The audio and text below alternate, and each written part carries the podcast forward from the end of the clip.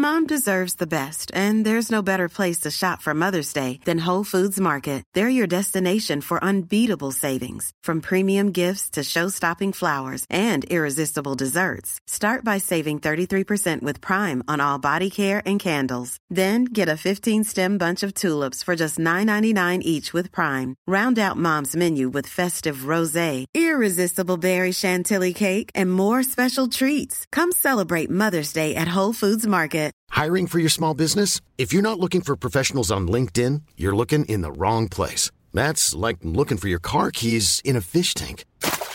LinkedIn helps you hire professionals you can't find anywhere else, even those who aren't actively searching for a new job but might be open to the perfect role. In a given month, over 70% of LinkedIn users don't even visit other leading job sites. So start looking in the right place. With LinkedIn, you can hire professionals like a professional. Post your free job on linkedin.com slash people today. Hey, it's Danny Pellegrino from Everything Iconic.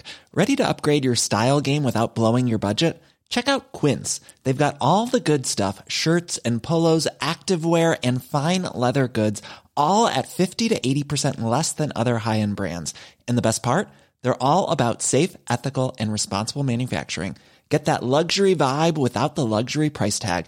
Hit up quince.com slash upgrade for free shipping and 365 day returns on your next order. That's quince.com slash upgrade. Jag har haft en jättebra vecka.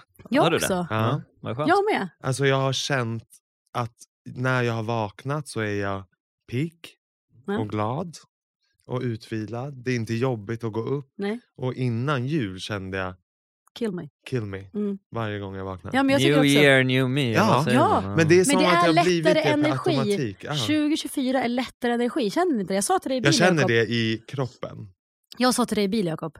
Känner du inte redan nu? Det är lättare energi. Men Jakob tror inte Gå på mot sånt ju- Ja. jo då. Lite, det går mot ljusare tider i alla fall. Det känns, jag tycker det känns. Jo, det är det. Jag frågade Ja. Jakob när du var där ute, jag bara, tror du på astrologi? Han bara, nej. Nej, det tror jag inte han gör. Nej, Så det gör jag jag bara, inte. men, Men det tror jag inte han gör. jag bara, pratar ni något om det? Han bara, ja Sanne pratar. ja, ja. Alltså han lyssnar ju alltid. ja. Och hans, du, du är en bra lyssnare. Du säger ju aldrig det där är bullshit, men du kanske inte bara känner oh. Nej, bara, Så det jag- där träffar mig mitt i hjärtat. Det, Nej, det tror jag det, känner. det känner jag inte varje gång. Men eh, alltså ibland så, ibland så kan man ju tycka det är kul att eh, om du läser upp mitt stjärntecken och så låter det bra, då, då kan man ju ändå tänka, jag hoppas det blir så. Ja, det ger- inger ju hopp. Alltså jag ska också säga, jag är ju ändå relativt spirituell. Och liksom, ja, men jag tror på ödet och jag tror på att saker ska bli som det är menat. Mm. Och att ja, men, är vi goda så kommer goda saker till oss.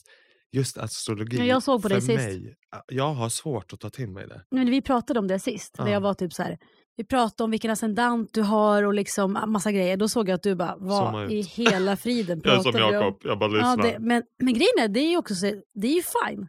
Man kan ju inte pracka på sånt man inte... Alltså man gillar ju det man gillar. Och vi pratade ju om det förut, jag och Sanna, att så här, min spiritualitet är väldigt praktisk. Alltså jag tror att tänker jag på saker så kommer jag, jag agera därefter och därför kommer det hända. Jag tror ju inte på det här kanske att det är någonting uppe i, I don't Men know du är ju where. väldigt mycket i law attraction. Ja, och, men det är ju för mig praktiskt Ja, och logiskt. och logiskt. och det är ju en logik. Jakobs Ja, hela men det har jag haft sedan jag var två år i princip. Sen jag, sen jag lärde mig prata har jag i princip sagt att jag ska bli hockeyproffs eller Ja. fotbollsproffs. Och då någonstans i bakhuvudet så tar man ju aktiva steg mot det hela tiden varje dag.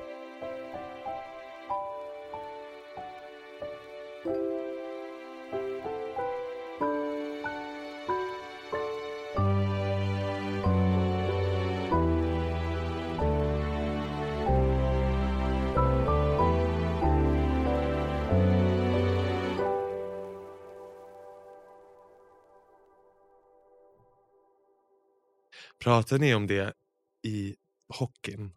Ja men mindset, det är jätteviktigt. Mm. Alltså, vissa använder ju mentala coacher. Självförtroende är ju typ det viktigaste av allt skulle jag säga. Att, att eh, inte vara rädd och att våga tro på dig själv och på det du gör. Så fort du tappar självförtroendet då kan du knappt spela. Så det är jätteviktigt att ha rätt mindset och tänka i rätt eh, termer. Liksom. En grej som var cool, det var när jag och Jakob satt igår och pratade. Så pratade vi om en idé, för vi har alltid sagt att så här, någon gång i livet kommer vi säkert jobba ihop. Vi hade typ passat att kunna jobba ihop. Så pratade vi om en businessidé, så här, det gör vi ofta. Och då eh, så var jag typ så här, ja men eh, om jag då sköter det här och ser den här är här. Jag bara, du har ju de här, de här kontakterna och du är Var jag här, inblandad? Ja, du är alltid med. men sen så här, jag bara, ja, men och så har ju du, du kommer från sporten så mycket kontakter hit och dit. Jakob bara, ja framförallt så vet jag ju att när jag vill någonting, då når jag det. Och jag bara, det är typ i och för sig nummer ett. Att så här, ska jag någonstans, då vet jag att jag kommer inte ge mig, jag ska dit. Och min kollega berättade igår, hennes son är typ nyss fyllda 15 och är så extremt duktig på basket. Mm. Alltså han är redan headhuntad av lag i Spanien och landslaget och tyska landslaget för han har tysk medborgarskap. Och hon var så här, gud jag blir så orolig för han är så säker på att han är bäst.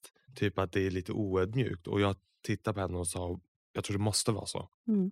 Ja, alltså jag, du måste ju alltid vara en bra lagkamrat så här, om du spelar i ett Såklart. lag och vara ödmjuk på det viset. Men att ha bra självförtroende när du är där ute, det är ju bara, det är bara positivt. Ja, alltså jag tror inte, Och man, tro kan, på sig själv. Alltså ja, det är, man kan ju inte bara, nej men jag är femte bästa i laget Nej. tror jag. Nu, du kan ju inte kanske tänka heller, nu är inte men jag sen så är, om du är realist, om du är femte bäst i laget, då kan du ha som mål att bli bäst. Så att du jobbar hårt för det. Liksom. Välkomna till eh, dagens jättespännande poddavsnitt. Sebbe, det här är vår första gäst och han var väldigt efterlängtad på grund av att han inte kanske ville synas så mycket tidigare. Vi tog ju den som vi fick mest önskemål Mm. på. Ja, det var så. Ja. Mm. Nämligen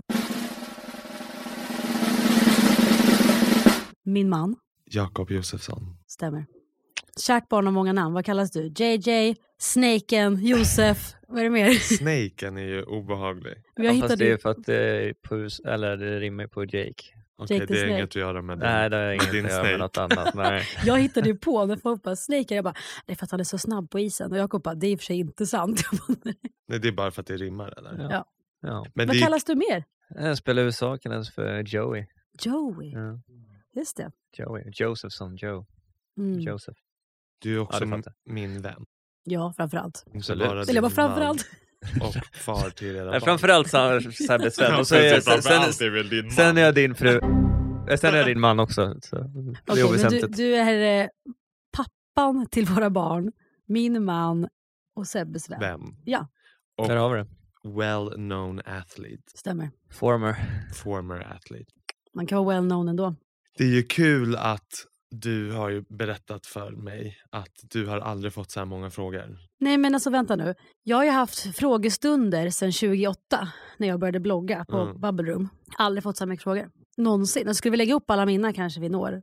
Sen är det ju logiskt för det var ju som en av dina följare skrev att så här, vi vet ju allt om dig. Jo det var i och för sig sant. Fast det kanske inte är helt sant att man vet allt. Men Nej men vet du. Jakob du har ju jättemycket integritet.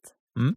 Alltså överlag. Ja, absolut. Ja. Och du har ju haft det också under din eh, karriär. Så till exempel när vi tillsammans var med i Playmakers, jag kanske ska jag vara med i Playmakers, så var du så här, det här är ditt jobb. Jag fick filma din rygg typ. Vissa hockeyspelare eller fotbollsspelare satt ju med i synk och intervjuades på tv, men du höll dig ju borta. Ja, ja, men där kände jag väl att det var, det var din grej i ditt liv du skulle visa upp och jag hade ingen, eh, inget intresse av att, att vara med egentligen. Och synas. Och synas på det viset, nej. Du har ju Ja. en annan karriär. Jo, exakt. Sen så förstår jag de som var med också, men jag kände där och då att, jag, eh, att det inte var någonting för mig. Att, Varför tror du att du är så efterfrågad varför? ja, av våra Ja, det är väl av de anledningarna kanske som, Mm. som du nämner. Att I Sannes kanaler så har jag eh, inte varit så framträdande kanske. Hållit mig ganska i bakgrunden och eh, inte delat med mig så mycket av eh, vem jag är. Nej, för det finns ju något mystiskt kring att se någon Ja. som inte pratar så mycket. Eftersom du filmar ju honom, vi ser ju dig i ditt liv. Men det är ju aldrig i konversation med eller utan det är ju mer utifrån ert vanliga liv. Mm. Och då blir ju saker ännu mer spännande. 100%. Alltså, det är som med Beyoncé. Förstör vi mystiken nu att jag är här då? Ja, kanske. Nej, jag tror inte det. Men tänk som Beyoncé, hon gör aldrig en intervju. Nu du blir jämförd här med de största. Ja, jag är bi. Hon gör aldrig en intervju, knappt med i någon tidning, men hon syns ju. Ja. Och det ökar ju mystiken. Ja, ja.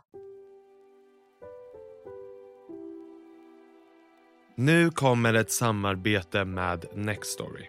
Ja, vi berättade i vårt senaste avsnitt att vi har ett så roligt samarbete på gång.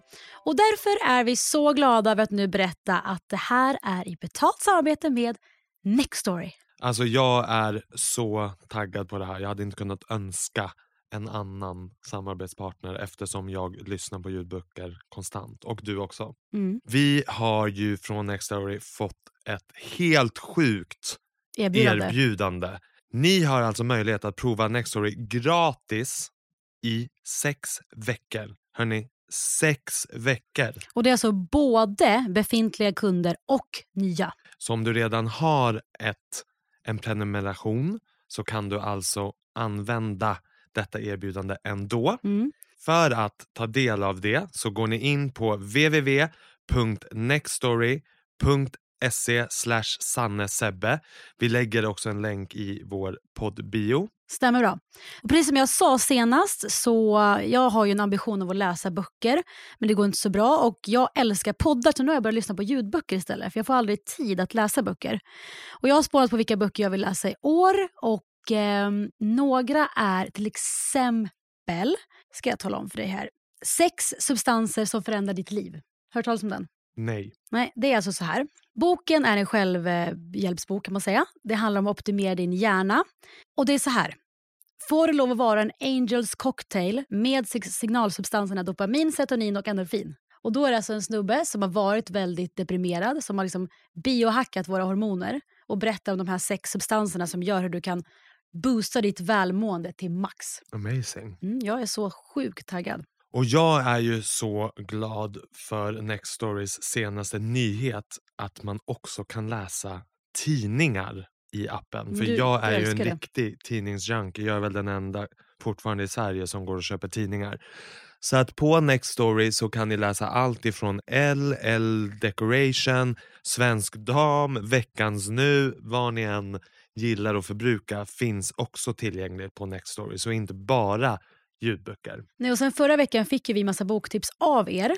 Och några som ni skrev om som jag faktiskt har läst på Nextory, det är, den ena är It ends with us, alltså sån kärleksroman. Men alltså den är, så, den är så bra, jag kunde inte sluta. Och sen tyckte jag att Chumapelle Agneta var skön att läsa innan Mikko la sig för att den var så här behagligt bra.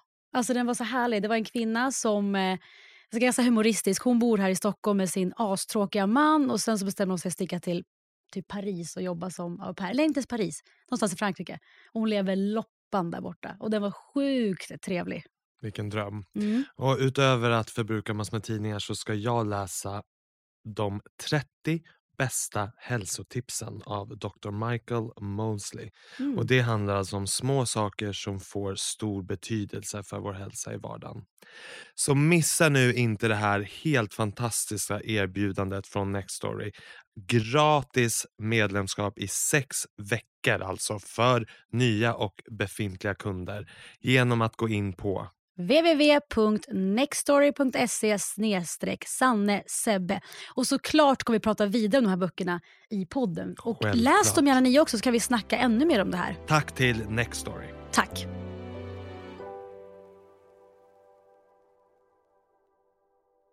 Vi pratade om det innan, du är också så mediatränad. Så att Sebbe, om du nu vill veta mer, då kommer du börja dra i honom för det kan ju bli ett kort koncist Avsnitt. svar. Ja.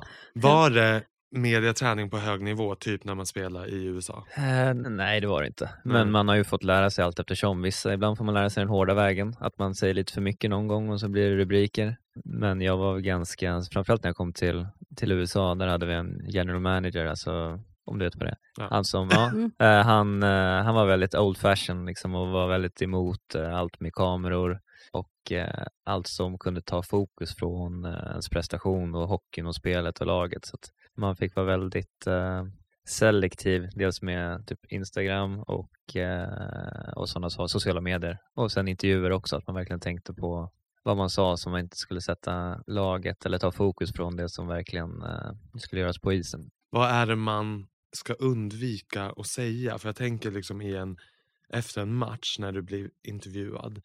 Det är inte så att de kommer bara Hur är ditt och Sannas kärleksliv? Det är ändå sportfokus. Ja, Men vad är det man ändå ska undvika att prata om? Liksom? Nej men det är väl, ja alltså egentligen tycker jag, nu, nu är jag ju på andra sidan av det. Ja, precis. Eh, så nu tycker jag man ska prata om vad som helst för det, det tillför ju med lite karaktär och lite personlighet till allting. Nu så efterhand kan jag önska att jag var roligare i så rolig jag kan. Jag är inte så jävla rolig. Men i intervjuer liksom. Och det, eh, det finns egentligen inga rätt och fel. Alltså, Mm. jag har kompisar som har, eh, ja, kan säga sagt både det ena och det andra och det, det går bra ändå. Men Tänker det, du på din vän Dick?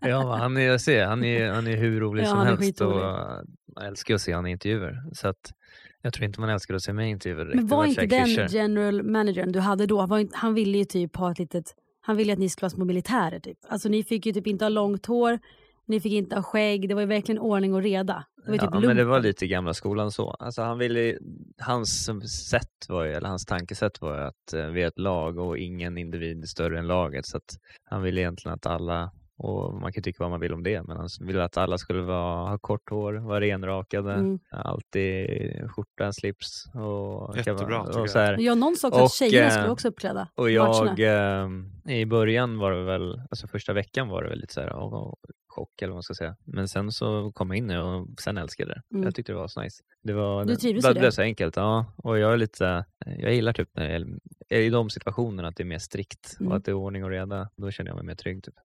Det är skönt att veta hur det ska vara. Mm. Man behöver inte tänka vad ska jag på mig, hur ska jag göra med skägget. Det bara ska vara på ett Ja. sätt. Bara kör, ja exakt. Och så efter utekväll kunde Jakob stå där och bara, jag måste raka mig för imorgon. Men skönt Ja, ja, man absolut. vet vad som, man gäller. vad som gäller. Ja. Men jag såg ju, vad heter det, heter det JVM? Ja. När lagkaptenen Liam.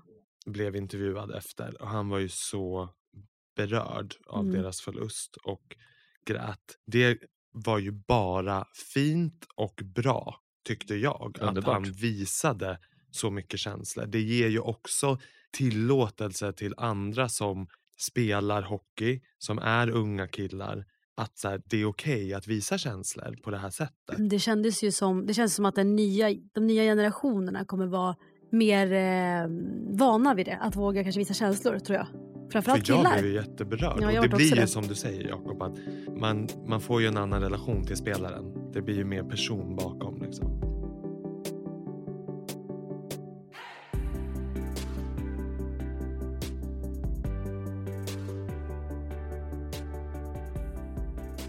Vi har ju fått som sagt hundratals frågor. Ja. Så att det är ju svårt att välja ut. Men du, Eh, speaking of JVM, speaking of JVM, Ja.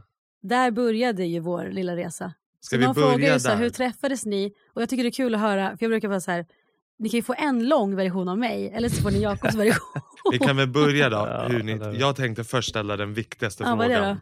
Det var hur, vad, vad har hon skrivit här? Hur får man en hockeykille? det viktigaste Det tyckte jag var den viktigaste. Men vi kan ju hoppa den. Du strök inte den frågan. Nej jag har inte tycker Men det. berätta, hur får man en hockeykille? Ja, det är väl bara att vara snäll och glad. Det passar ju bra in på dig. Ja, dig med. Ja.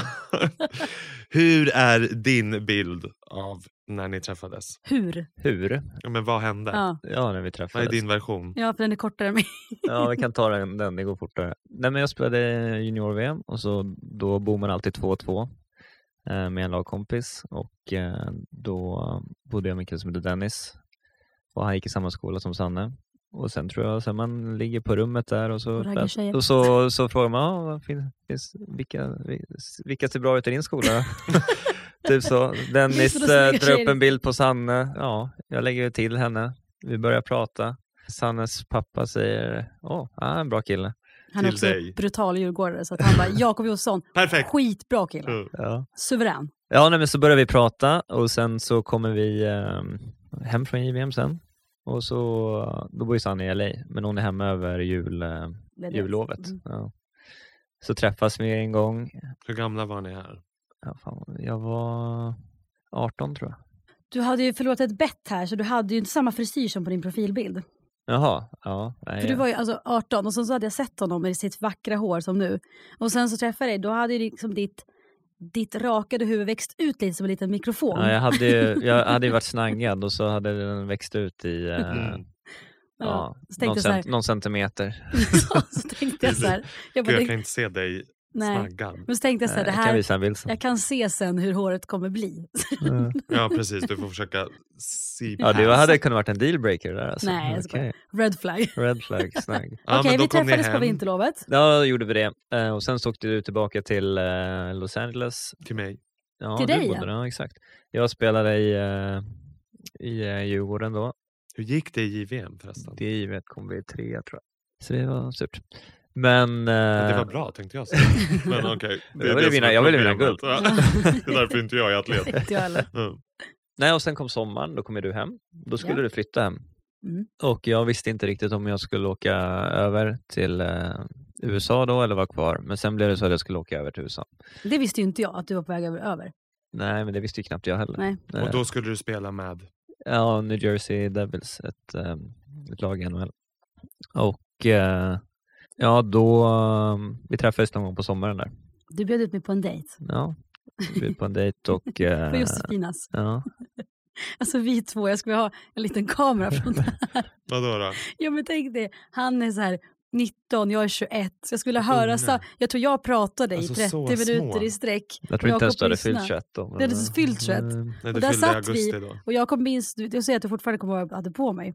Ja, du hade någon eh, rosa kjol och Alltså, någon vit... Eh, ti- något, jag vet inte vad du hade. Jag Topp vet typ. inte. Ja, det var ju någon outfit jag hade i LA när vi var ute ofta. Ja.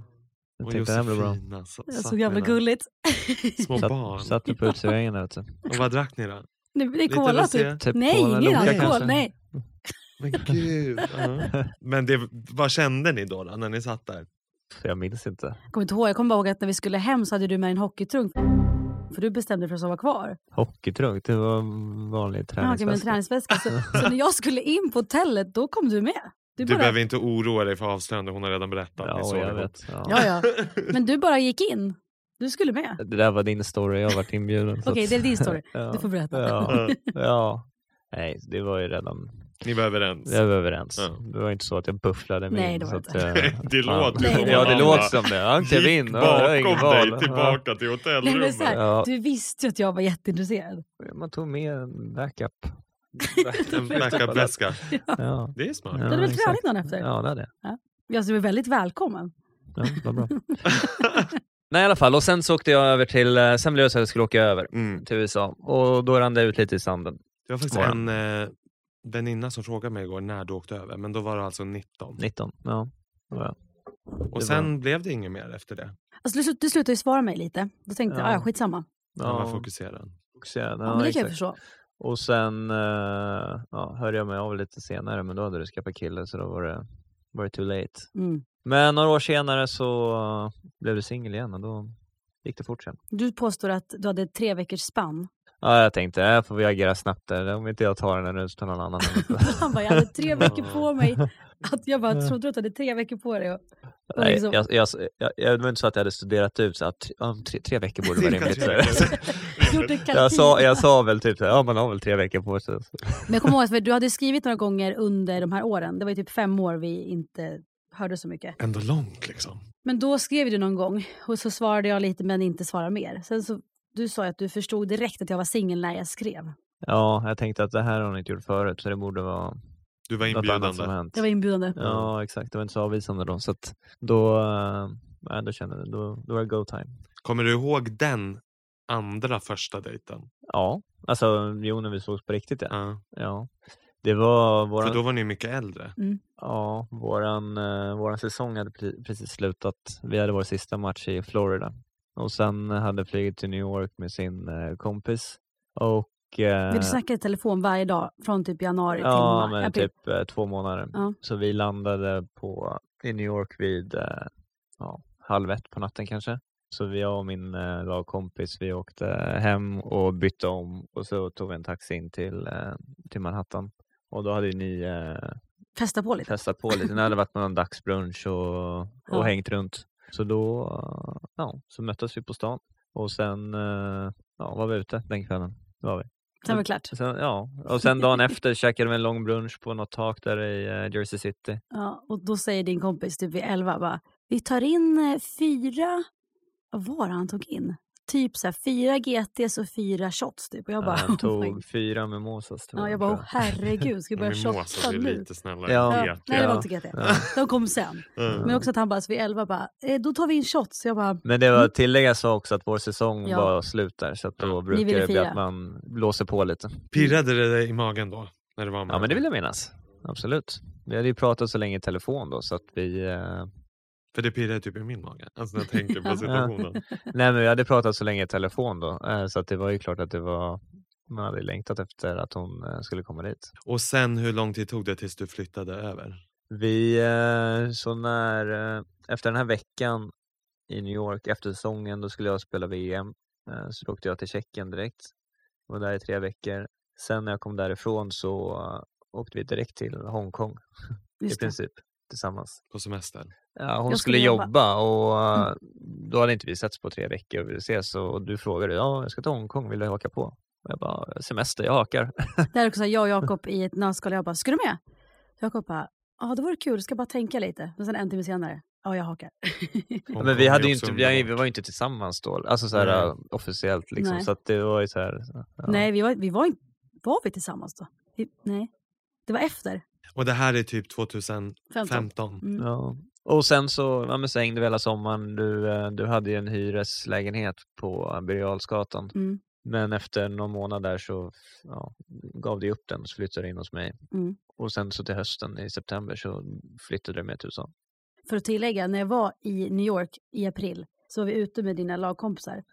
Då så kommer Jakobs lagkompis, han bara Ah, this is my friend Jordan, bla bla. Bara, this is Sanne, she's, she's moving here in September. jag bara, jaså, jag? Ska Ja. jag? Ja, jag Också love attraction eller? Ja. Bra! Mm. Och sen 2017, alltså två år senare, knappt, då Mm. gifte ni er. Ja. Ja, du friade ju typ efter ett och ett halvt år. Ja. Det kändes... ja, det kändes Självklart. rätt. Ja, det gjorde det.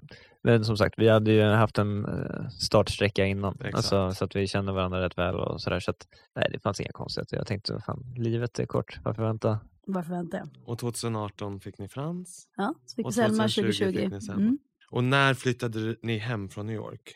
Efter Frans kom. Eh, 2018. han det, föddes i slutet på mars 2018. Och sen efter att säsongen hade slutat där och vi hade fixat Frans alla pass och social security och visum och hit och dit så drog vi hem. Och då eh, skrev jag på för Djurgården. Och sen Mm. så har jag varit hemma sedan dess.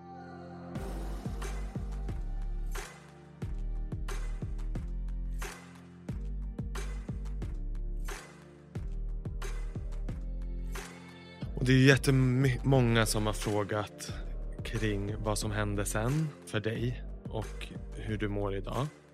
Om du vill så får du gärna berätta vad som hände och varför du var tvungen att sluta spela.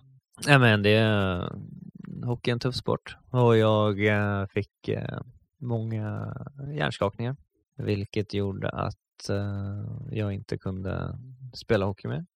Och ja, fortfarande så känner jag av det och mår dåligt av det ibland. Men jag har någonstans lärt mig att hantera det i en vardag. Eh, vad som ja, triggar eller vad jag mår dåligt av och vad jag mår bra av och vad jag kan eh, liksom utsätta mig för så att säga. Men eh, det var såklart, det var skittufft. Det är fortfarande jättetufft. Jag vill fortfarande spela, fortfarande den grejen jag älskar mest att göra.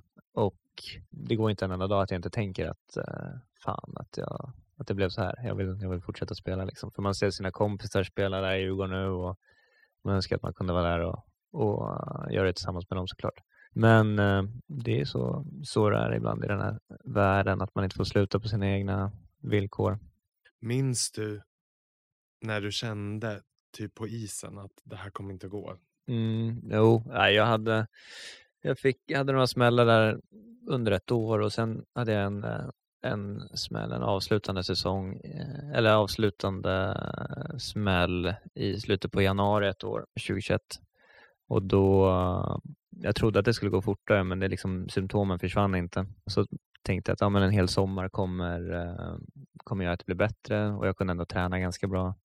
Men sen så fort jag kom på isen så då var det saker som inte stämde eh, och jag började må dåligt utanför och sådana saker också. Och sen så och då, sen spelade en match, fick en liten smäll och efter det så då blev det ännu värre och då så pratade jag med min läkare och han sa att det är nog, det är nog dags nu. Och ja, det minns jag. Han sa så här, hade du varit min son så hade jag inte låtit dig spela nu. Och då tänkte jag att eh, han kan bättre. Alltså så länge sedan jag blev så berörd. Jag kan inte titta på, på Sanne. För Men jag har sagt sista tiden, jag bara, jag kan inte gråta längre. Och jag kommer aldrig glömma det du smsade mig då. var det ett beslut som du tog med honom då? Ja, det, ja, det var det väl. Alltså det, och sen så var det väl framförallt för ett beslut för Sanna och barnen också. Alltså jag menar, det, eh, när man är själv så kan man vara mer egoistisk och offra sig själv lite. Men eh, man har ju sett så många andra samma situation eh, kanske spela lite för länge med de här sådana här, de får en tackling till och då kan det bli eh, jobbigt mycket längre fram i livet också. Och där vill man inte hamna. Jag menar, en hockeykarriär är ganska kort oavsett och det är så mycket efter, när den är slut så har du ett helt liv till att, att leva liksom i princip. Så att man fick tänka lite större perspektivet och få försöka att istället för att uh, grotta ner sig och uh, vara besviken över att det blev som det blev får man försöka vara tacksam för det man faktiskt fick. Jag fick uppleva väldigt mycket i min karriär. Fick uppleva min dröm, spela i, uh, i NHL, fick spela med landslaget, fick vara lagkapten i Djurgården och uh, träffade många fantastiska människor på vägen liksom, som är mina bästa, bästa vänner idag. Och allt det genom hockeyn. Liksom. Så att man får försöka vrida på det någonstans och inte vara bitter över att, att det inte blev som man hade tänkt sig. Och eh, istället vara tacksam för att det man faktiskt eh, fick uppleva. Men första veckorna måste ha varit mentalt Ja, men då var det så, um, då var det ju så, um, dels mådde jag väldigt då, alltså, dåligt då med fysiskt liksom och sen uh, tror jag inte man, jag tror inte jag hade sjunkit in. Jag hade varit skadad så många gånger förut och, och laget fortsatte spela och jag kunde ändå följa dem lite så här så att det kändes som mer en vanlig skada. Jag tror inte jag hade accepterat det än. Jag har typ fortfarande inte accepterat det på något vis. Men... Det är som att det sjönk in ändå ett tag efter. Typ. Ja, det tog lite längre tid, liksom, jag tror jag nu har du verkligen en son som, även fast du vill spela och du vill att han ska se det, så har, har, har ju han ändå eh, sin pappa hemma. Ja. Jag, kommer att jag var hemma med eh, Selma och Frans, de var ju så små då. Och så kommer jag ihåg att du skulle spela och du hade sagt typ ett halvår bara men det känns bra, jag ska spela. Jag vet jag, jag frågasatte aldrig ifall du skulle kliva på igen. Och många bara så här, var du inte orolig? Jag bara nej, alltså jag var typ inte det för att men han säger att det känns bra så då ska han få köra. Så kommer jag ihåg att du klev på matchen, att du messade mig. Jag kommer att jag tog upp telefon och du bara, nej jag sitter i, jag, jag klev av, um, det var min sista match jag spelade typ. Jag kommer ihåg att jag stod med Selma och Frans och bara, hur fan. Och så kommer jag när du kom hem att du kom med luva och liksom du, jag bara såg hur din dröm togs ifrån dig. Och fy fan, alltså, jag tycker det var de värsta åren någonsin för oss. Men också bästa med barnen. Alltså vi har ju haft det bra, du och jag och barnen. Ja men det är där man får försöka. Om man tänker tala om mindset. Alltså det är, det är förmodligen, förutom liksom dödsfall och sånt, det värsta ja. som har hänt mig i mitt liv. Och eh, det är liksom, det var ju hela ens, eh, allt man ville när man var liten och det man hoppades att det skulle bli, man hoppades att det skulle bli på, på det viset liksom. Och sen när det tas, eh, sen hade man föreställt sig en bild av vilken typ av karriär man skulle ha, när man skulle sluta, hur det skulle kännas när man, när man skulle sluta. Framförallt det tror jag, att man, man skulle ha en känsla i kroppen av att nej, nu, nu håller jag inte riktigt eller nu tycker jag inte det är lika kul längre, jag har inte samma driv, jag har inte samma passion för det här, nu, nu är det dags att stiga ner. Men eh, jag hade ju fort, eller jag har fortfarande, jag hade verkligen fortfarande det här eh, eh drivet och passionen och jag kände att jag var, alltså, kunde göra skillnad och var duktig liksom. Och sen så tar livet andra svängar. Men som Sanne säger också att om man ska tänka i positiva banor så har det gett mig att jag har fått sjukt mycket mer tid med, med barnen och kunna vara mm. mycket mer delaktig i, i deras saker. För livet som hockeyspelare, det är, du är borta mycket. Alltså, ditt schema går ju först nästan i alla lägen. För att det är inte så att jag bara, ja men eh, Sanne ska iväg på en grej, kan vi flytta matchen här på tisdag? Mm. Liksom? Så att, du har fått så mycket tid med dem i deras liksom, barndom. Jag tänker Selma var, Selma är tre nu, hon var ju typ ett när det hände. Och Frans var typ tre. Och eh, även fast jag vet att du vill att Frans ska se dig spela så är jag helt säker på att han hellre vill ha dig hemma. Han vill ju hellre att ni spelar hemma. Ni spelar ju 24-7.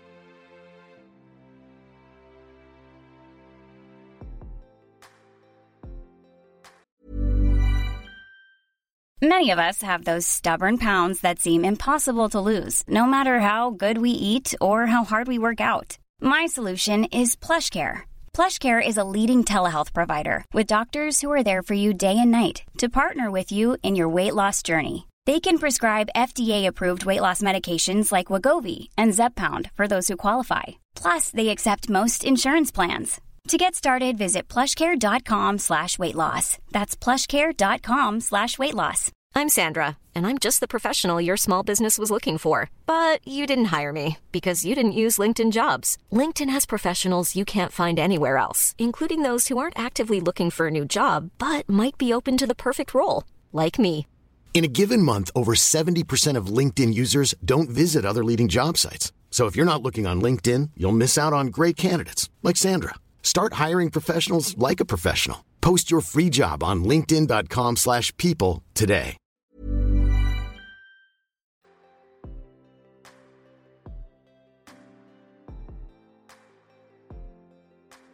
Hur har du handskat liksom nu med att försöka, inte hitta en ny identitet, men ändå det, det var ju en sån stor del av din person. Nej, Hur men det hittar man liksom fotfäste i en ny vardag där man ändå känner ett, liksom, ett värde och för sig själv framför allt? Nej men det är svårt. Alltså man har ju varit eh, du är ju din egen person, liksom. du, du är en person men samtidigt så har du varit hockeyspelaren hela, hela ditt liv i princip. Och eh, om någon frågat så vad, vad är du? Det här med att spela hockey. Alltså, så att det, det, känns, det känns bra att säga för det är något man verkligen brinner för, en passion. Liksom så här, så att, och just livet som hockeyspelare, det är väldigt inrutat. Alltså, du får ett schema och sen så vet du exakt hur din eh, månad ser ut. Liksom. Och jag, för mig passar det ganska bra. Men eh, det är en utmaning att försöka, man blir lite mer chef över sin eget, sin eget schema och försöka först och främst gilla det och eh, försöka forma det liksom på ett sätt som passar en eh, själv. Jag menar för det handlar ju inte bara om att få det att funka. Nej. Det handlar ju också om för dig att gilla det och vara lycklig och glad. Ja. Utöver såklart att ha barn och familj. Det är en otrolig Du har, ju glädje. varit, du har ju varit jättemycket mer, eftersom att du har varit hemma med, jättemycket mer med barnen. Som att du ändå haft så ganska tydliga uppgifter där. Eller vad ska man säga, tydliga uppgifter, men alltså, du har ju känt att du är behövd och sånt. Men som du säger, man ska också typ trivas Ja men med sin precis, tillvaro. du ska ju också vara inte Mm. bara en pappa. Du ska också Nej. vara Jakob. Nej, precis. Och sen så såklart, sen hade jag velat kanske göra mer saker, men då har ju i sådana fall min, eh, ja, men min skada alltså begränsat det också. Och då är det frustrerande. Och då blir man så här eh, irriterad och arg och ledsen för att uh, okay, varför, när ska det här bli bra liksom? Jag vill bara slå mig fri och göra... Du eh, säger ju ibland att du känner dig typ fängslad i din kropp. Ja, exakt, för man vill så mycket men man vet att huvudet inte klarar det än. Det kommer göra det framåt, så hoppas jag. Men just nu gör det inte det och då blir man ju frustrerad och irriterad. Och det är svårt att eh, acceptera det, liksom, för att man gör ju van liksom, att rätt eller fel, men inte känna efter och bara köra hela vägen in i kaklet och saker och ting blir gjorda. Och, Du har ju eh, spelat en del matcher skadad. Du har spelat en match vet jag, med bruten, bruten rygg. ja, Du kom hem en kväll i New Jersey och bara, tror, jag tror faktiskt att ryggen är bruten. Jag bara, "Nej, men du spelade ju nyss match. Spelar du någon mer match så var, så var den bruten. Jag bara, snacka om inte känna efter. Och jag, men jag tror att alla vi tre är ganska lika. Alltså jag på gott och ont lägger ju en otrolig del av min identitet i mitt arbete. Det är så otroligt viktig del av mitt liv.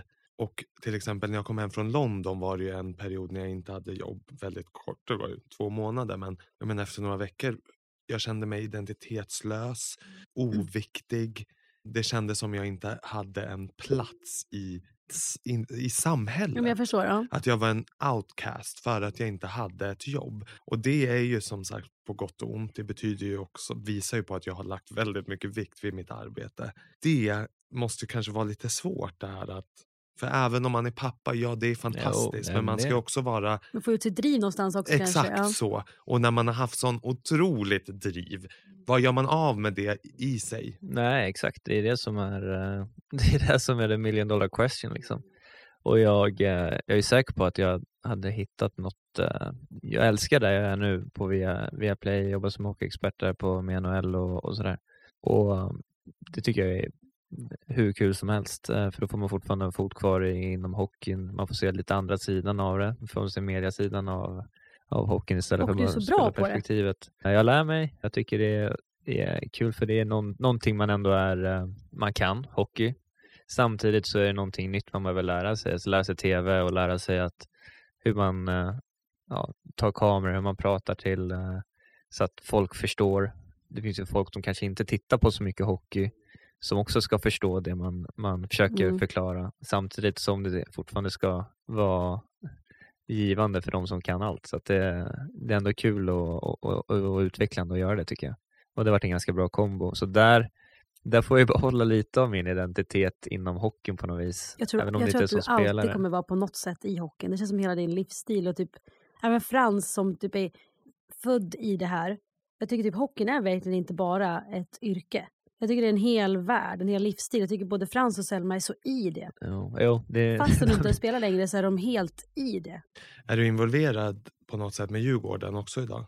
Jag har suttit lite i ett, eh, som ett advisory board, ja, rådgivningsgrupp kan man säga. Ja, och det har varit, det har varit kul och sådär. Men nu ska jag in med ny, eh, ny sportchef där så vi får se hur mycket det blir med den varan. Men jag, eh, jag vill gärna vara kvar inom hockeyn och ser gärna framåt och kunna ha ännu mer med, med det att göra. Liksom. Vad är, det är en som har, eller var ganska många som ställde den frågan. Och du har ju haft hockeyföräldrar eftersom du har hållit på sedan du var så liten. Ni är ju till viss del hockeyföräldrar eftersom Frans spelar ju hockey. Vad är ditt tips till någon som är hockeyförälder, speciellt utifrån att du har spelat på så hög nivå och haft en stöttande mamma och pappa? Om jag går tillbaka till mina föräldrar så tycker jag de eh, var exemplariska. De eh, kanske inte kunde så mycket om hockey liksom så och för mig var det ganska skönt. Så det var aldrig så att det kom någon, jag hade aldrig någon press eller stress. Jag kände ingen press eller stress eller någonting från dem utan det de gjorde och var fantastiska på, de skjutsade överallt till varje träning. Även om det hade gått bra eller dåligt så var de peppande och uppmuntrande. Och de har liksom aldrig, aldrig, ja, men aldrig sett någon press egentligen på mig. Liksom att det är mer bara att ja, vill man bli bra, då får man lägga ner mycket tid och eh, framförallt se till att man har jäkligt kul. Liksom. Så att det är inget som ska Alltså du, kan inte, du kan inte nå din, någon annans dröm, utan det måste vara din dröm. Många, många föräldrar nu, då kanske det är som papper eller mammor som kanske inte blev något själv, men de öns- så gärna önskar att barn, barnet ska bli något. Och då blir det väldigt mycket press på dem och eh, stress. Och då kanske den här drömmen om att bli hockeystjärna är kanske pappans dröm egentligen. Och barnet kanske inte har det drivet. Och, och då, då kommer man aldrig nå dit för att det måste vara din egen dröm. Det måste vara du som vill det till 100 procent. Det är väl ett fantastiskt råd från någon som har spelat på så hög nivå att det behöver inte vara skrik och liksom piska utan det handlar om Nej. att ha kul och vara stöttande och inge en positiv känsla kring sporten. Mm. Liksom. Däremot så tror jag så här, om, om ditt barn då kommer vilja bli bra, då kan man ju ändå säga så här, du kommer, du kommer behöva kanske göra lite uppoffringar på vissa saker, du kommer behöva lägga ner mycket tid, men eh, om det här är din dröm, det, är inget som, det kommer liksom inte gratis, utan du måste ändå jobba för det. Och det kommer vara ett hårt jobb, men när du vill lägga ner det så kommer vi stötta dig. Hade inte vägen. brorsor ett sna- bra snack med dig när liksom, de märkte att du var väldigt duktig och att du ville? Jo, det, det är jag jättetacksam för. Att jag, när man, de så, jag var ganska duktig när jag var mindre. Och eh, jag gick eh, jag är med i högstadiet som alla andra och mina kompisar började festa och sådär. Och mina brorsor var ganska snabba med att berätta för mig att det där, eh, du är, ganska, du är duktig Jakob, du borde strunta i det där nu, satsa på hockeyn och sen kommer det där kunna komma efteråt liksom, när du har nått din dröm. Jag tror jag fram tills, nej, jag, jag var ju aldrig på någon hemmafest, jag kanske var på en någon gång. Så för mig var det, jag blev ju, umgicks ju mest med de som var i samma mindset som mig. Alltså de som är bästa kompis med nu också. Men det är ju ett grabbgäng som är bästa kompisar, som alla är typ hockeyproffs. Så ni måste ju ändå ha så här stöttat varandra men också tävlat med varandra, vilket också är bra.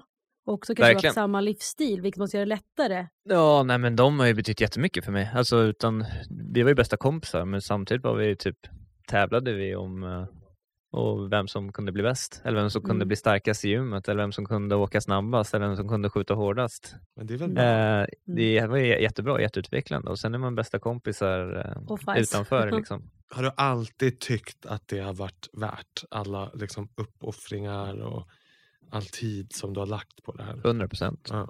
100 procent i alla fall. eh, Och sen när jag var, när jag var i den åldern, högstadieåldern och gymnasieåldern och allt sånt där, det, det, det, var, det är ingenting jag äh, ångrar nu. Att jag inte var på massa fester eller, eller något sånt Hade där. du inte FOMO? Alltså jag har Nej. ju fortfarande FOMO. Nej, inte ett Du, dugg. du är inte FOMO nu heller. Nej, jag har inte så mycket FOMO-kille. Men, eh, Skönt ju. ja, nej, nej, men det hade jag inte. För att jag hade, så i min, min skola då, jag hade ju ingen som spelade hockey direkt. Så alla mina lagkompisar, de var ju utspridda över hela Stockholm i princip.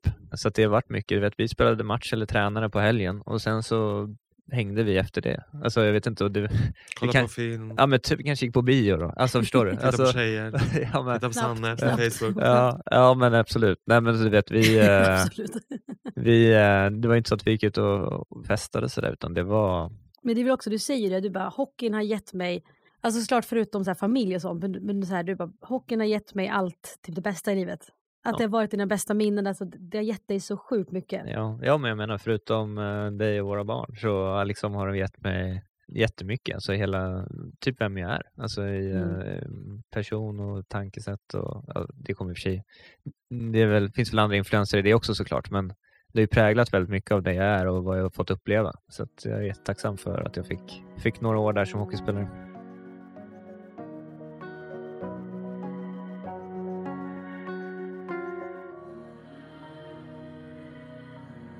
Det är jättemånga som har också skrivit och undrat hur ni kan vara så lyckliga och lugna er relation och aldrig bråka. Och Okej. Nu vet man ju inte hur de vet det men Nej, de, de har bara- de har väl en bild av det. Men och nej, jag men- kan ju instämma av bilden som ges men också av verkligheten. Ni är ju, jag har ju varit vän med dig extremt länge. Det är väldigt sällan ni är ovänner. Men jag tror att det är också att när jag har sagt på Instagram någon gång, om jag har berättat att vi inte är sådana som bråkar med varandra, det är sjukt provocerande. Alltså jag, jag får aldrig Men det måste du ju förstå. Ja, men jag menar bara, jag tror bara, jag är ju inte bråkig med någon.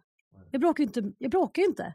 Så att, och Jakob gör inte heller det. Så vi som, vi som eh, par då, vi pratade om det häromdagen, att det är ofta tycker jag att det är så här något negativt att vara konflikträdd. Och så tänkte jag så här, jag pratade med min yogalärare om det här. Det kan väl vara en ganska fin egenskap också. Man behöver väl inte vilja bråka. Och så tycker jag också det här alltid så här, man ska alltid vara rak och säga vad man tycker och tänker. Vill alla höra det då? Så ibland är jag så här, Jag är ju lite så också. Jag tycker att så här, all sanning är ju inte folk intresserade av. Nej, jag tror inte jag vill veta Men jag allt. kan tänka, för mig är det så här också ibland att säga att jag och Sanne då tycker två olika saker. Om, ja, du tar ett basic exempel. Vad, ja, men, vadå, vi ska äta till middag.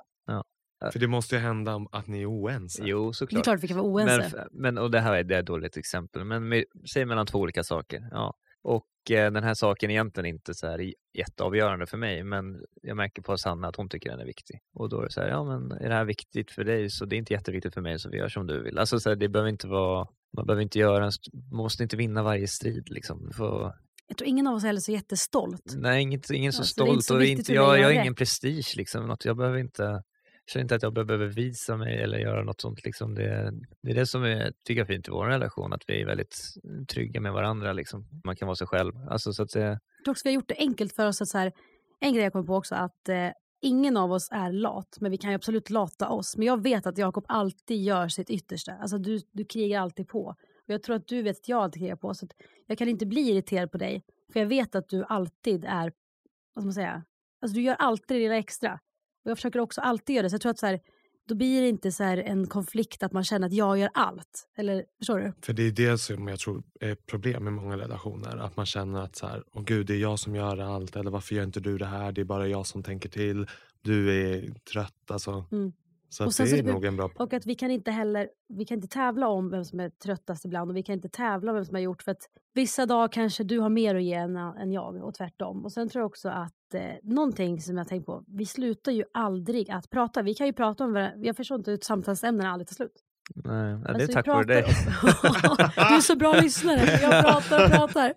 Vi pratar, Sanne, Sanne slutar aldrig prata. Nej, nej, då, alltså, jag, nej. jag slutar aldrig prata. nej men det är Alltså, jag, gör faktiskt... inte det. Så jag eh, drar ju ur dig grejer också eftersom att jag pratar så mycket så till slut måste Ja. du prata tillbaka. Ja, men där får jag ge dig, dig cred. Alltså, för innan vi träffades, ja, då hade jag ju liksom inte haft någon eh, egentligen relation tidigare. Och jag var inte van att prata om allt och dela med mig av saker. Det har ju Sanne fått lära mig liksom, och jag märker att det betyder ju sjukt mycket i en relation. Att man, eh, ja, men pratar om allt och är öppen och att man eh, har en bra kommunikation. Så att det är, det är full cred till dig. Du har ju fått lära mig det och dra Alltså, ut det så, mig. Liksom. att, och cred till dig för att du lugnar ner mig. Alltså, jag kan ju vara, det sa, jag pratade med någon om det här, att jag kan vara lite som ett asplöv, av så här, oh, det flyger lite runt. Och Jakob så här, astrygga rötter.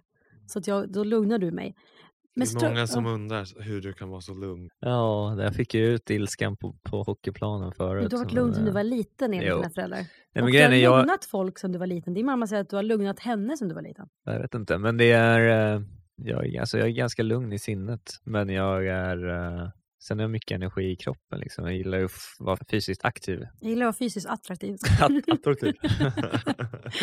ja, exakt. Nej, men det som är häftigt att se s- på sidan är ju att du är så otroligt grundad och lugn i din person. Ja, men jag, så, Och sen att du på planen, vad säger, säger Isen. man? Isen. ja, planen, Ja, att du är så explosiv och liksom ledande och stark. Det blir ju sån ganska tydlig kontrast. Men jag vet inte utanför, jag vet inte att det kan vara ge ett lugnt intryck men jag har liksom aldrig haft något behov av att behöva hävda mig över någonting eller liksom bevisa saker för någon utan det, Sebbe, tänk dig Alltså- det här. Tänk dig det här. Att Jakob sitter på tunnelbanan. Det här hans mamma berätta. Han har just fått veta att han ska över till NHL. Så när hon ringer och typ så snackar, då typ berättar han inte det. Så hon ser det här eller något där, någon annanstans och bara varför sa du inget? Men han bara, jag satt på tunnelbanan, typ pinsamt. Tänk dig dig och mig på tunnelbanan. Jag hade glidit på knä med två så här fingrar, peacefingrar. och bara, jag ska Och så hade jag bara. I'm leaving! Alltså jag hade ju, Mm. tänk dig. För det var precis det jag tänkte på. att så här, I en social situation, Ja. till exempel en middag, då tar jag och Sanne på oss ett ganska stort ansvar att underhålla. ja. Och blir också, eller, eller i alla fall att föra en konversation. Jag vet inte, det kanske ingen vill underhålla men Och speciellt om det liksom är stelt, tyst, då går ju vi upp i nästan falsett och Mm. pratar i 150 för Och att showar. liksom... Är det så skönt att ha med på middagar.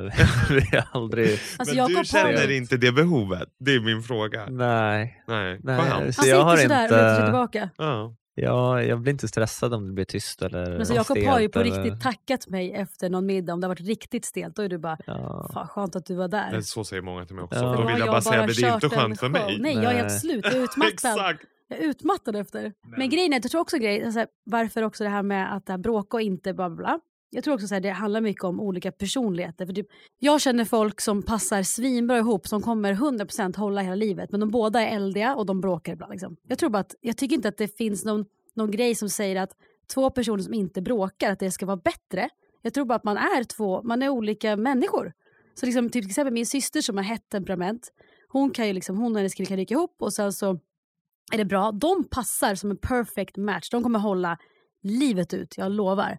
Så, jag, jag, så för mig är det inte så att, att vi inte är så bråkiga behöver inte betyda att vi är bättre än någon annan.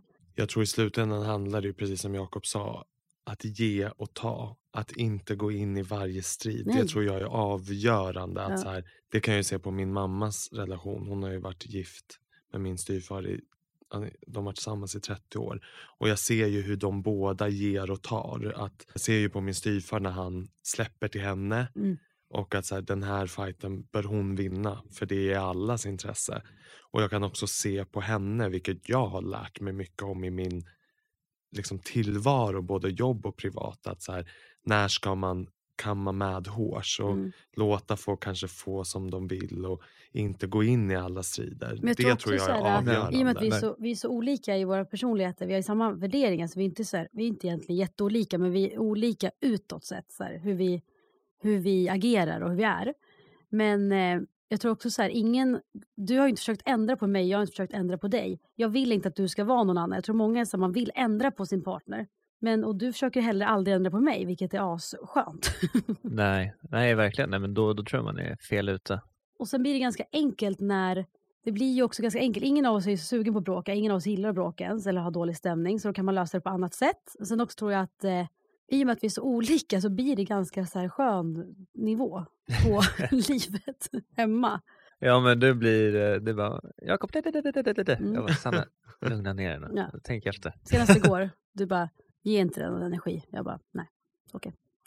Och det är ju viktigt för sådana som dig och mig. Hon som grundar den ja. Ja, jag kan Mm. ju känna som lever ensam att så här, ibland skulle jag bara behöva någon som sa så här, vet du, tänk inte på det där, det Det är är ingen lugnt." fara. Mm. Det är inte viktigt Nej. liksom. Och Så att- sen samtidigt för mig så då är det ju bra att jag har en som så Sanne som jag kör att det händer lite också. Liksom. Ja, såklart. Men kommer ihåg när du fick det via Play-samtalet. Du vet, jag bara, det är klart ska sitta i studion, kör! Du vet, och sen är det bara gasa. Ja. Och så, så, jag vet inte, ibland, eh, jag tror bara det kan bli, alltså det blir ganska enkelt om två personer passar ihop. Jag tänker bara som i vänskap, att du och jag passar som vänner. Det är inte så svårt då. Det Jag är, inge- tycker det är inte inte som det. man tänker på hur ska det här fungera. Nej. Utan man bara är ju. Och sen framför allt, jag tror också en grej jag tänkt på nyligen. Ingen av dig och mig har så jättehöga krav. Nej. Alltså då menar jag så här, inte höga krav på hur man, vad man säga, är i relation. Det är klart att man vill liksom att någon ska ha respekt och den ska visa sig och så. Men jag menar typ så här mer eh, in, i hemmet så här. Vi hjälps åt med lite städ men det måste inte vara kliniskt rent jämt. Vi sover i varsin säng, ingen bryr sig, vi är fortfarande kära. Man kan hitta tillfällen där man umgås där man inte bara sover ihop. Och så här, det är inte så big deal. Nej. Eller förstår du? Att så här, Nej men in bara vadå? Nu vill vi bara inse vart man är i livet. För två små barn. det är skitsamma. Eh, och det är viktigt att få, få sova på natten. Ja. För allas skull. Det kommer inte vara så för alltid. Men det är Ja, som en kort period. Barnen dem. är små några år bara. Så det är liksom, så är det just nu. Och eh, det här är det som funkar bäst för att vi ska fungera som människor. Och och då är vi trevliga på dagtid. Ja. ja, exakt. Så att, att kunna orka med allt som livet har att erbjuda.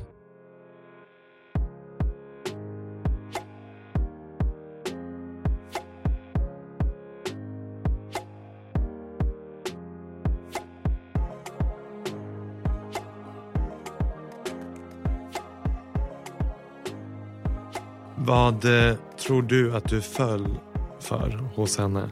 Ja, för det första, det som slår en direkt tror jag, hennes, alltså, hon sprudlar, alltså hon är så här bubblig, glad.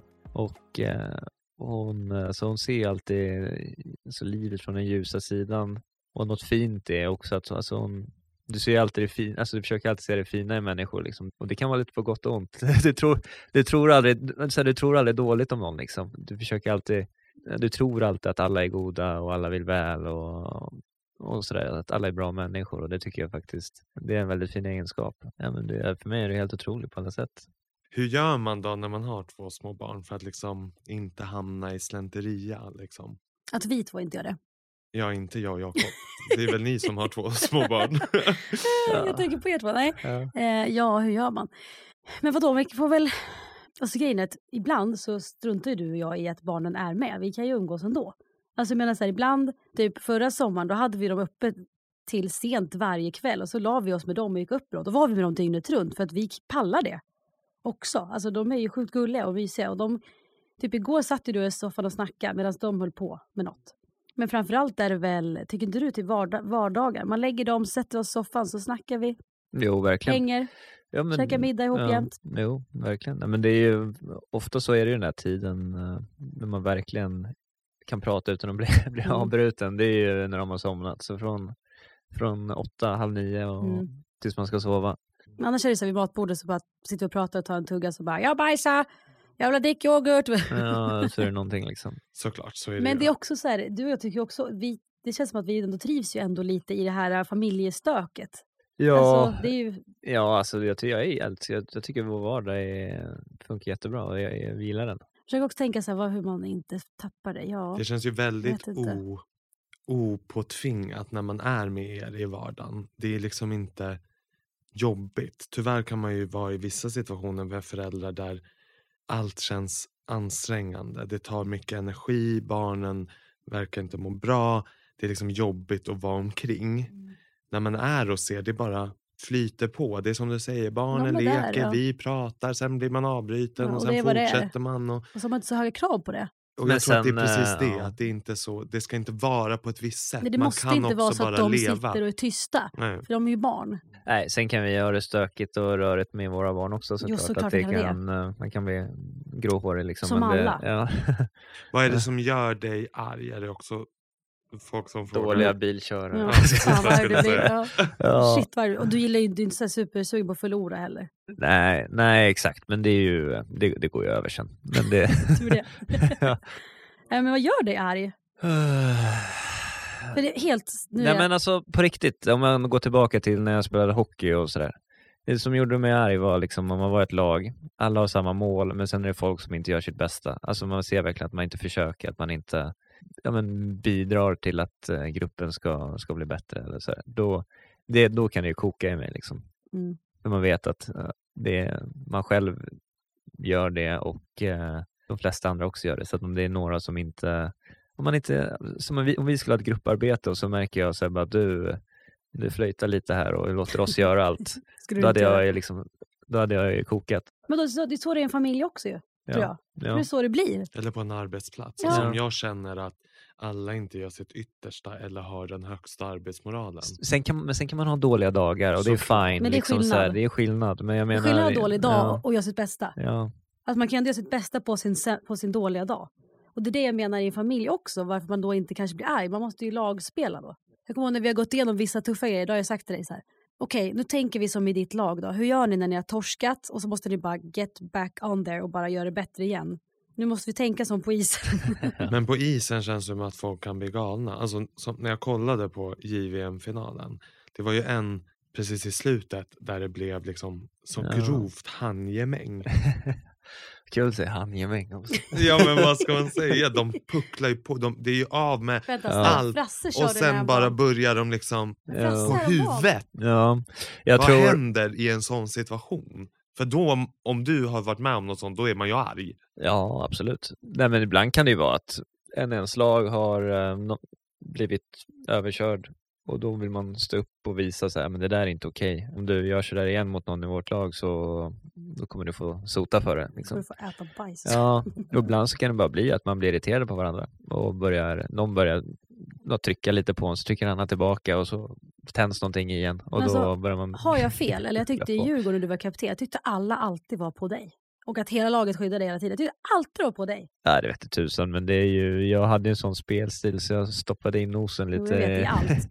i allt också. Så att man, man var ofta där, man, där, det- där det hände så att säga. Men eh, ja, alltså det där händer. Det är, det är känslor. Alltså man, man blir arg och man blir frustrerad och eh, vissa behöver gruffa lite sådär för att Kommer tända eller? till och Mm. komma igång också. Man har ju det liksom eh, som, som någon typ av spelstil. Så att det hör till och just i det här fallet med Sverige och USA som du nämner så tror jag svenskarna upplevde att USA hånade svenska laget och publiken lite.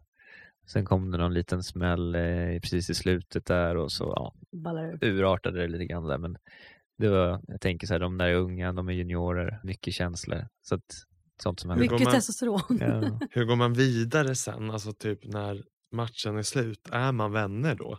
Eller är man liksom pissed off? Äh, ja, det är en bra fråga. Nej, ja. Du, du, alltså jag tror garanterat att svenskarna var pissed off efter, efter den matchen. Det hade jag varit i alla fall. Men allt det där går över också. Så att det, det är bara under en period.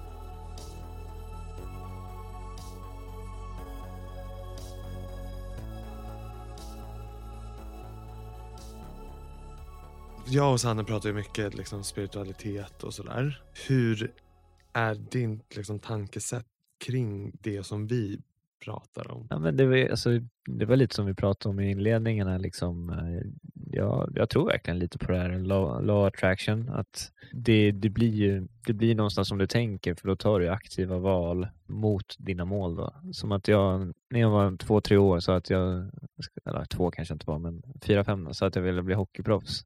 Inte fan blir jag snickare då liksom. Alltså då, då, då tar jag hela tiden, jag gör aktiva val för att bli lite bättre på hockey hela tiden. Och för den, då är, det är just att den tanken har ju varit i mitt huvud jämt. Och för mig, det är klart att det är law attraction. Om det är spiritualitet, ja, då, då tror jag på det. Liksom. Men Du du, ser sjukt inte stark hemma, magkänsla. Ja, jag Du har sjukt stark magkänsla. men du ser inte hemma och lägger tarotkort liksom? Nej, det gör jag inte. Så Nej. jag är inte, jag, jag är inte så. Det, där är jag ju lite mer främmande. Alltså, Mm. För jag tycker ändå så här, för mig kan inte jag... Ja, visst, du kan ju, det, men det kan ju dock skapa någonting i, i tankarna som gör att man tar aktiva val till Det det. är så min tankegång är lite också. Om Ja. man nu sätter igång något av det som för er närmare en mental balans, kör. Men Ja, så, men det är så här, jag menar mm. så här, om du tar ett tarotkort och du står att du ska göra ditten och dattan. Eller det kommer hända så här med dig. Eh, och det kommer bli jättebra. Det kommer inte hända bara du ligger hemma på soffan. Det, Såklart. Förhoppningsvis så kommer du göra aktiva val mot kanske det våga. och så våga och göra det då. Liksom, i Men du fall. och jag, eh, när jag körde en reading nyligen, jag ställde ju en fråga om dig. Jag har ju ställt en fråga, kommer du ihåg? Och den väntar jag fortfarande svar på. Men har den, alltså den readingen som jag läste upp för dig gett, alltså ingett hopp för dig? Alltså har det ändå så här gjort lite skönare känsla i kroppen? Eh, Du bara nej. Nej. Nej, jo men faktiskt lite. Alltså, jag, kan så här, jag tror ju inte liksom, ja, bara för att det stod så så kommer det ske. Nej, inte klart. Men samtidigt så, så ligger ändå något där i bakhuvudet. Så här, ja, kanske. Hon sa det. Så hon sa, det där kortet sa det i alla fall. Så här, ja. Ja. kanske. Liksom. Och det är väl det allting bottnar i. Det Ja, är precis samma Det tänds för ju mig. ändå en liten uh, gnista av någonting. Och typ inte ge upp. Nej, exakt. Nej, och jag tror ju inte för att jag har kristaller i mitt hem att något ska hända. Jo, Det- du vet, de kommer knacka på dörren bara. Någon Hollywood-regissör. Ja, Det handlar ju mer om att se de här... Ja, precis. Det handlar ju mer om att se de här stenarna och bli påmind själv. Ja. Att ha en tacksamhetssten tror ju inte jag betyder att jag kommer leva i tacksamhet. Det handlar ju om att jag ska bli påmind Ja, men om också så här, sätta att ditt tänka på mindset. det. Exakt. Och mindset är ju typ avgörande. Jag tänker, börjar du dagen med att tänka att det är en pissdag, tro mig, det kommer hända dåliga saker hela dagen. Ja, Och och vara att, magnet för dåliga saker. Men också samma sak, tänk när man tänker på en person ibland. Ibland kan jag känna så här, ibland är energin skrämmande. Man tänker på någon, antingen som man inte vill träffa eller vill träffa, då träffar man dyker den. upp. Eller vadå, tänk så här, jag såg på, jag tror det var någon TikTok-video nyligen. Då frågar en tjej, om jag tror att jag säger det här rätt nu, då frågar en tjej i en intervju, en annan tjej, bara, men såg du några röda bilar på vägen hit? Och nej. Nej, hade jag sagt till dig i morse, håll koll på många röda bilar, då hade du lagt märke till dem. Så, ja, men, alltså, det blir ju typ som att om jag tänker på morgonen så här, Gud, jag har så mycket att vara tacksam för. Jag ska verkligen försöka komma ihåg vad jag är tacksam för. Då under dagen kanske du inger tacksamhetskänslor i olika tillfällen. Istället för att du bara sitter och tänker på allt som är dåligt. Så kanske du istället så här, är som en magnet för allt det fina i ditt liv istället. Är det närvarande snacket kring liksom, mental hälsa i omklädningsrum och i organisationer när man spelar på den nivån du har gjort? Inte kring då tarotkort och kristaller men mer kring så här hur mår ni? Mår ni bra? Pallar ni trycket? Tar ni hand om er mentalt? Det, det kommer mer och mer. För det är en så viktig del i eh, ja, men dels i livet och dels av eh, sporten. Liksom. I ens prestation? Prestation och välmående överlag. Liksom. Det känns att det, väl- det är väl också så här, det har väl varit mycket mindre prat om känslor och hur man mår generellt förr. Ja, exakt. idag. Allt har blivit väldigt mycket öppnare nu. Liksom. Och jag tror 95 procent av alla som håller på med elitidrott har ju någon typ av ångest då och då. För att det handlar om att du måste prestera. Liksom. Eh, dels för att vinna en match eller kanske få behålla din plats i laget eller liksom få ett nytt kontrakt. Alltså, så det finns ju så mycket saker att vara ja, men, det fundera Mm. över och stressa över. Och ofta kan ju det leda till en typ av prestationsångest och kanske en ångest av ovisshet för framtiden eller liksom hur ska det bli och du vet sådana saker. Så man, eh, det var faktiskt min, eh, min general manager där i eh, Lou Lamorello heter han, i New Jersey. Han sa faktiskt det bästa, bästa mantrat liksom bara fokusera på det du kan kontrollera och resten liksom går inte att göra någonting åt. Så att hela tiden bara fokusera på det, på de sakerna du kan påverka. Resten behöver du inte bry dig om. Då, vad kan jag påverka då? Inför en match till exempel? Ja, då kan jag påverka att har jag sovit bra?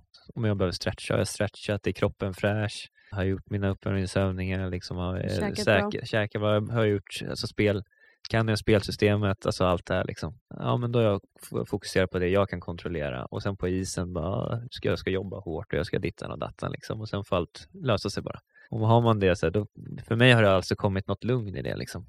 Då kan jag gå tillbaka, ja, har jag gjort allt det här som jag har gjort allt jag kan för att ja, det jag kan kontrollera. Ja men det har jag, men då, då, då känner jag mig lugn. Vad, vad det var ditt mantra inför varje match? Så här, du bara, det här ska jag... Ja, nej, men det, det var ett. Ja. Och sen så hade jag alltid, jag hade tre saker men det var mer spelmässigt. Men jag var ju den typen av spelare också. Jag hade alltid så här, så fort jag får pucken ska jag röra på fötterna, alltså åka, så är jag aldrig så stilla. Och sen ska jag backchecka det hårdast jag kan. Alltså när, när de vinner pucken i, alltså hemjobba. Jobba hem det snabbaste man Det kan. var du sjukt bra på. Shit, Ja, hem. och när jag väl har pucken så ska jag försöka vara så stark på den som möjligt så att ingen, ingen kan ta den från mig. Liksom. Så det var de tre Mm. grejerna som jag hade inför varje match. Och visste att om jag, om jag gjorde dem bra, då hade jag, skulle jag ha en bra match. Liksom. Funkade det alltid? Ja, men det, det kan ha varit typ så jag kom in efter en period och bara, ah, det går så jävla då, fan. Då kunde jag alltid, okej men rör jag på fötterna när jag får pucken liksom, eller blir jag stillastående? Fan, jag blir stillastående, typ. Ja, men då kunde jag ändå... Gå tillbaka då? Ja, exakt. För jag visste, jag gjorde de här sakerna, då hade jag ändå skickligheten att kunna göra en bra passning eller liksom agera på, på instinkt eh, när väl den möjligheten kom upp. Liksom. Jag menar, det är ju en väldigt stark referens till livet. Allt.